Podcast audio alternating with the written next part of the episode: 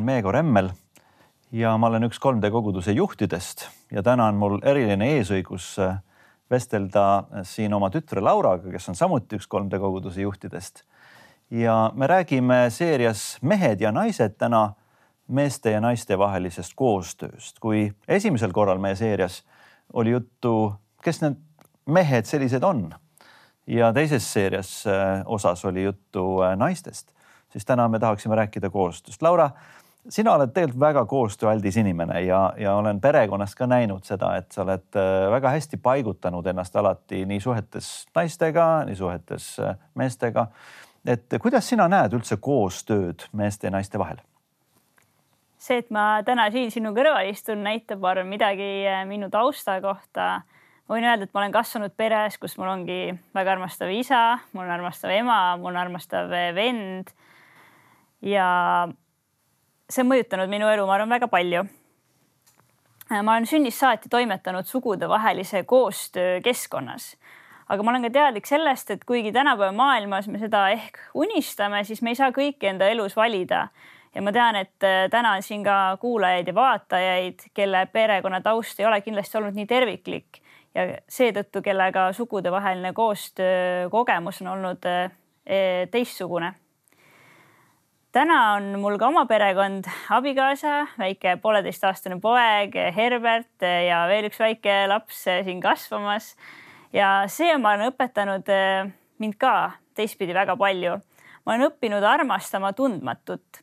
ma ei saanud valida, kes saab olema mu esimene laps, ma ei saa valida, millisest soost on mu teine laps ja ma isegi ei tea seda täna veel aga ma tean seda, et igal juhul me peame õppima koos toimima ja üksteist armastama ja ma usun, et samasugust valimatut armastust igatseb Jumal näha ka oma perekonnas, eh, oma inimeste keskel. väga hea, et sa seda kõike tood ette ja, ja ma arvan, et eh, kui sina sündisid või kui sinu vend sündis, siis, siis me ka, me isegi ei teadnud kuni sünnituse hetkeni, et kes te olete, te olete väga olnud oodatud ja armastatud ja kui ma mõtlen üldse nagu piibli peale, eh, Jumala maailma peale, siis ma näen ka seda, et kohe piibli esimesel leheküljel Jumal ütleb, et tehkem inimesed oma näo järgi äh, meheks ja naiseks. ja mulle tundub, et see ainumitmulisus, äh, mis on Jumalas, mida me nimetame kolmainsuseks, et see tuleb tegelikult esile ka Jumala näolisuses. et me ainult koos suudame seda Jumala näolisust kehastada ja, ja olla nii-öelda koostöös selle Jumala näolisuse esiletoomisel ja täpselt samamoodi, kui me loeme Jeesust, mida ta näiteks Johannese evangeeliumi kuueteistkümnendas peatükis räägib, ütleb seda, et vaim toob esile seda, mida äh, poeg on rääkinud ja poeg austab seda, mida isa on esile toonud ja isa austab poega. et, et see üksteise esiletoomine, üksteise nagu ülestõstmine ja austamine on tegelikult Jumala enda äh, loomuses kohal. ja mulle tundub, et äh, me elame ajastul, kus tuleb uuesti mõtestada seda kuidas me peaksime üldse toimima meeste ja naistena. et me ei ela mitte konkureerides, äh, vaid me elame koopereerudes. et me, me toimime ühtse äh, meeskonnana, ühtse organina või organismina nii-öelda selles plaanis Jumala näolisust esile tuues. ja minu enda arusaama Jumalast on kindlasti mõjutanud väga tugevalt perekond ja, ja see suguvõsa, kust ma tulen ja loomulikult minu ettekutse Jumala näolisusest ja, ja sellest koostööst. Eh, eeskätt ma mõtlen omaenda isa peale, omaenda ema peale. Need on mõlemad andnud mulle väga olulise osa sellest et ema, ma mäletan lapsepõlves võttis iga hommik mind ja mu venda ja me õdesid kokku, lugesime piiblit, me palvetasime, ta rääkis, mida ta oli kogenud Jumalas ja ta juhatas meid Jumalat nägema just läbi selle omaenda tunnetuse võtme. aga isa oli valmis meiega vestlema, mingitel rasketel küsimustel vastuseid otsima ja, ja võtma aega nagu seda, et, et meie enda maailma nagu tulla ja, ja täpselt samamoodi ma näen teda kui vaimulikku kujundajat minu elus.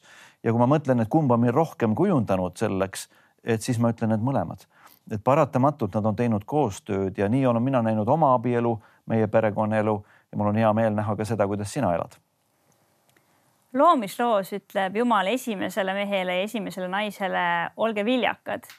ja ma usun, et seal ei mõelda mitte ainult äh, järgmiste põlvkondade peale ja laste saamise peale, vaid viljakas olemist ka muudes töödes ja tegemistes, mida tegelikult Jumal oli kavandanud inimest Eedeni aeda elama asetades äh, mina olen kasvanud mitte ainult peres, aga tegelikult ühiskonnas, kus ma ei ole pidanud kunagi kogema seda, et ma olen vähem väärtustatud, kui on mõni poisslaps lihtsalt, lihtsalt oma soo pärast.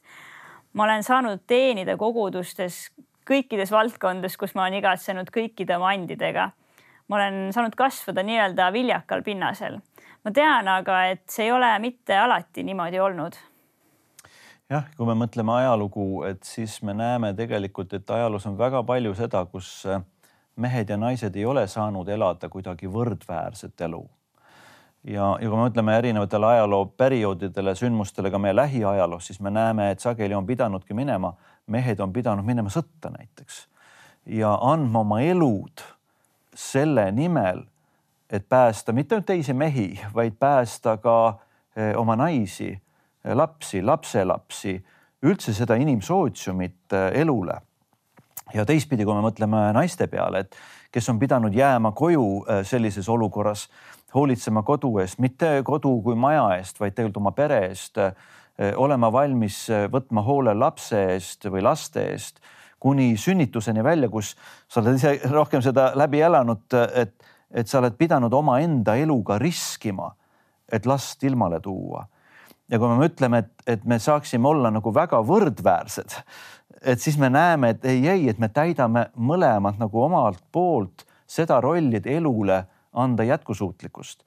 Ja vahel see jätkusuutlikkuse tagamine on ka väga traagiline, olgu siis sõjas langedes või sünnitusel surres või, või sellistes rasketes olukorras ennast ohvriks tuues. aga ma olen mõelnud ka, et sellises nagu traagilises pooles me hakkame ikkagi kuskilt nägema ka seda et me oleme kutsutud koos toimima. et, et ma olen valmis armastama ennast ohverdavalt, nii nagu Jeesus õpetab meid.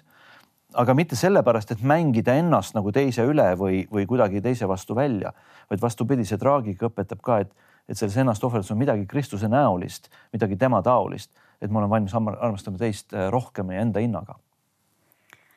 Ma arvan, tähtis ongi kuulata Jumala juhtnööre, mitte kiuse sosinaid, sest tegelikult kui me vaatame ajalugu, mis on järgnenud pattu langemisele, siis me oleme ka näinud seda, kuidas äh, üks sugu on oma võib-olla tugevused teise vastu välja mänginud. Äh, kui me näiteks mõtleme äh, meeste peale, siis me just vaatasime hiljuti oma abikaasaga filmi Hiina demograafilisest kriisist ja ühe lapse poliitikast ja seal oli tegelikult väga raske ja kurb vaadata, kuidas perede soov endale saada poisslastest järeltulijaid oli nii suur, et äh, reaalsus on vist jätsidki paljud tüdrukud vastsündinutena kuhugi turuplatsile või tänavale vedelema, lihtsalt lootus, et äkki keegi korjab nad sealt üles, aga seda alati ei juhtunud, nad lihtsalt suridki lihtsalt nälga nende enda silme all tegelikult ja samamoodi täna me võib-olla näeme ka radikaalset feminismi ühiskonnas, kus ei tegeleta mitte enam naiste õiguste kaitsmisega, vaid tegelikult meeste alavääristamisega.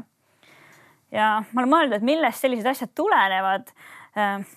Kui mõtleme Jumala peale, siis ma arvan, et Jumal näeb iga erisust kui erilisust. meie inimestena näeme aga erisusi kui probleeme või, või väljakutseid ja me tegelikult eh, ei oska nendega hästi toime tulla. meil on raske mõista ja veel enam armastada endast erinevat. Äh, samas ma näen vähemalt naiste puhul seda, et tegelikult kõigi naiste sees on selline südames selline igatsus, et keegi hooliks meist, keegi käituks meiega võib-olla nagu heas mõttes printsesslikult. See on nii ilus väljend, mida sa kasutad ja, ja kui ma mõtlen nagu mehe peale, kui ma mõtlen iseenda peale et ma tegelikult ka mehena igatsen seda, et mu naine hooliks minust täiega, et ta kohtleks mind aupaklikult või väärikalt, võib-olla see mehe väärikus on nagu teistsuguses võtmes natukene, aga et, et ma ootan seda, et ta respekteerib mind ja, ja see on väga oluline mulle ja, ja teistpidi mulle tundub, et jumal on andnud ka naisele võib-olla sellepärast, et tal on see, see emaduse roll on nii tugev, et sa pead mõistma oma väikest last enne, kui ta hakkab rääkima, eks ole, ja, ja saama aru tema muredest või vaevadest, isegi siis, kui ta ei ütle sulle midagi. et jumal on andnud ka naisel rohkem tundlikkust, rohkem seda empaatsust mõista, aga mina mehena vajan seda täpselt samamoodi. Isegi selline Eesti mees, kes nagu väga ennast ei väljenda, vajab seda, et naine mõistab teda, toetab teda, julgustab teda.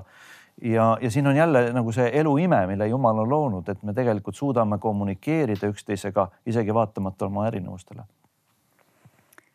Jah, kui mõtlen erinevuste peale, siis mina olen kasvanud eh, koos oma vennaga, kes eh, tegelikult ma ütlen, on minust eh, väga erinev ja kui ma sellele täna täiskasvanu mõtlen, siis ma näen tegelikult võib-olla, kui suur ime see on selle valgel, et me oleme terve enda elu nii hästi läbi saanud ja üksteist nii palju armastanud. sest me oleme nii teistsugused. aga ma olen alati pidanud teda enda parimaks sõbraks ja ma ei ole kunagi mõelnud ega isegi nagu arvanud, et mul oleks võimalus või üldse ka mingi vajadus teda muuta või teistsuguseks kujundada. ma olen lihtsalt armastanud teda sellisena, nagu ta on. Jah, ja võib-olla see ongi, et sugudevahelise nagu koostöö eeldus on see, et me armastame teist sellena, kes ta on. me respekteerime teda, me peame tast lugu sellena, kes ta on ja tema jumala näolisus, tema inimväärikus väljendub ju selles, et ta on ainulaadne, et teist temasugust ei ole Äh, ta on ainukene selles maailmas sellena, kes ta on. ma arvan, et on oluline ka äh, tabada nagu seda, et need individuaalsed erinevused ei tee kedagi nagu vähem inimeseks või, või vähem väärikaks.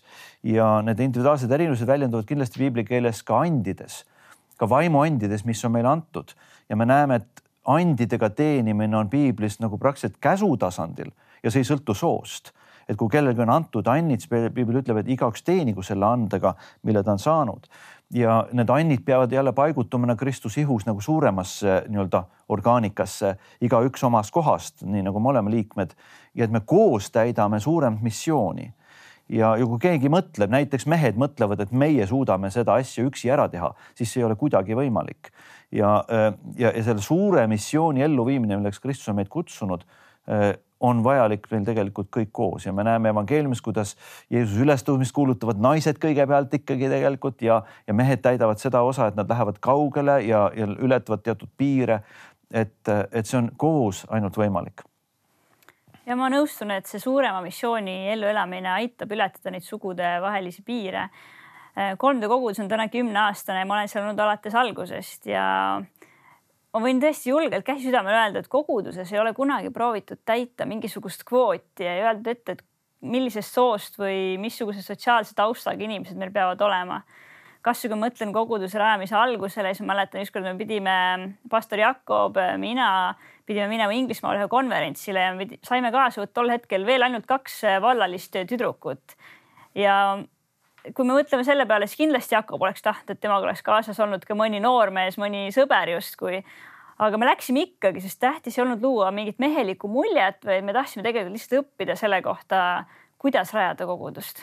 ja, ja noh, näiteks kui ma mõtlen kasvõi perekonnaelu kohta antud juhiste peale, mis on Uues Testamendis, et neid saab ka mõista ainult koos, mitte kunagi ei öelda ainult meestele, et mehed armastage oma naisi, vaid öeldakse naised alistuge oma meestele. Ja mitte kunagi öelda naistele, et eks ole, alistuge ja et armastuse äh, aspekt jääb nagu mainimata. Ja ma olen mõelnud, et armastada saab ainult seda, kes sellele ise vastu ei pane, kes on valmis alistuma, andma ennast, anduma. Siis on võimalik armastus. Ja täpselt samamoodi eh, ei ole võimalik alistuda millelegi muule kui armastusele, muidu see on absoluutselt ebaeetiline et, et Paulus paneb need asjad ka kokku, uues testamendis need ühised juhtnöörid ja selle suurema nimel elada. ja noh, ta ütlebki, et, et tehke seda issandas, see tähendab, et kui Jeesus on meie üle issanda valitseja, siis mees ei saa öelda, et mina valitsen selle olukorra üle või naine ütleb, et mina pean siin oma võimu maksma panema, vaid me elame issandas, me allume nagu talle.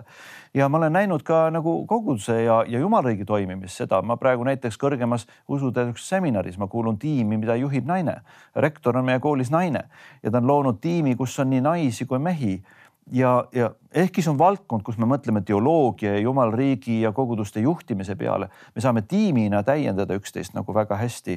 Ja, ja ma ei kujutagi teistmoodi nagu seda elu jumalriigis ette.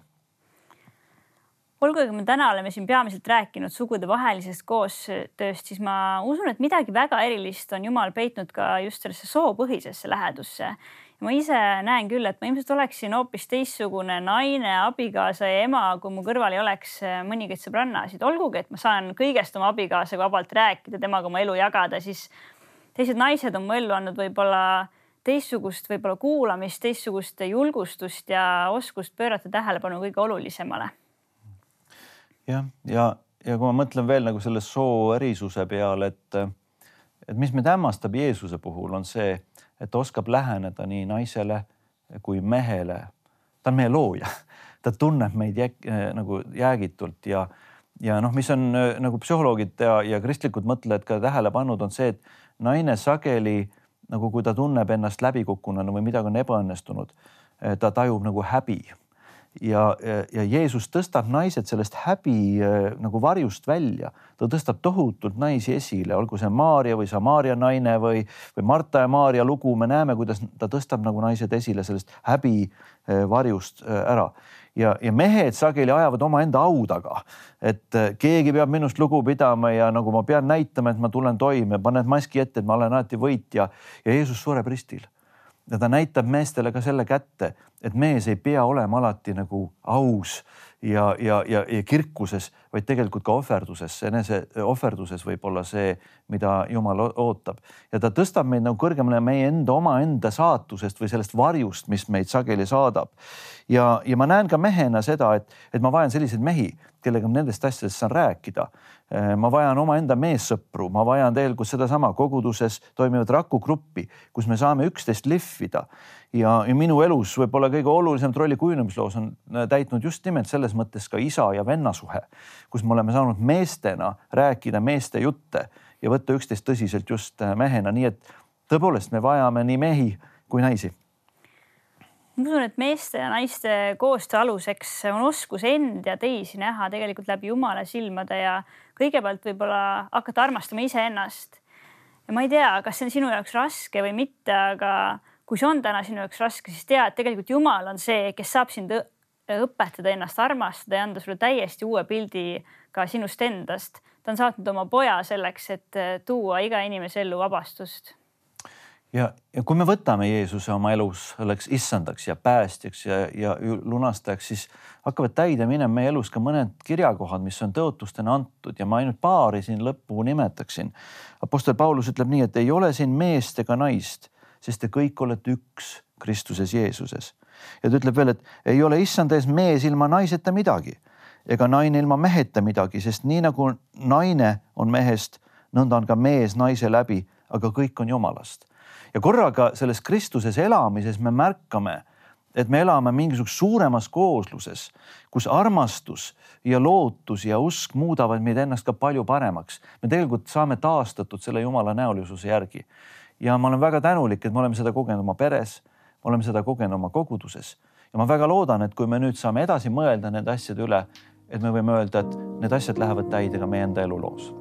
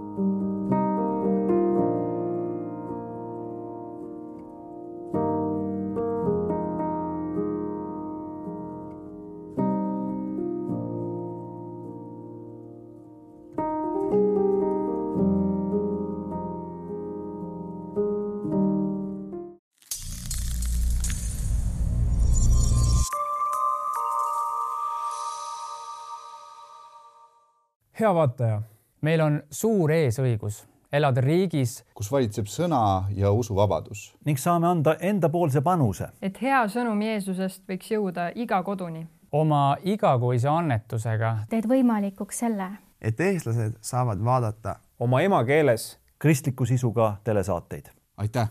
sinu panus on oluline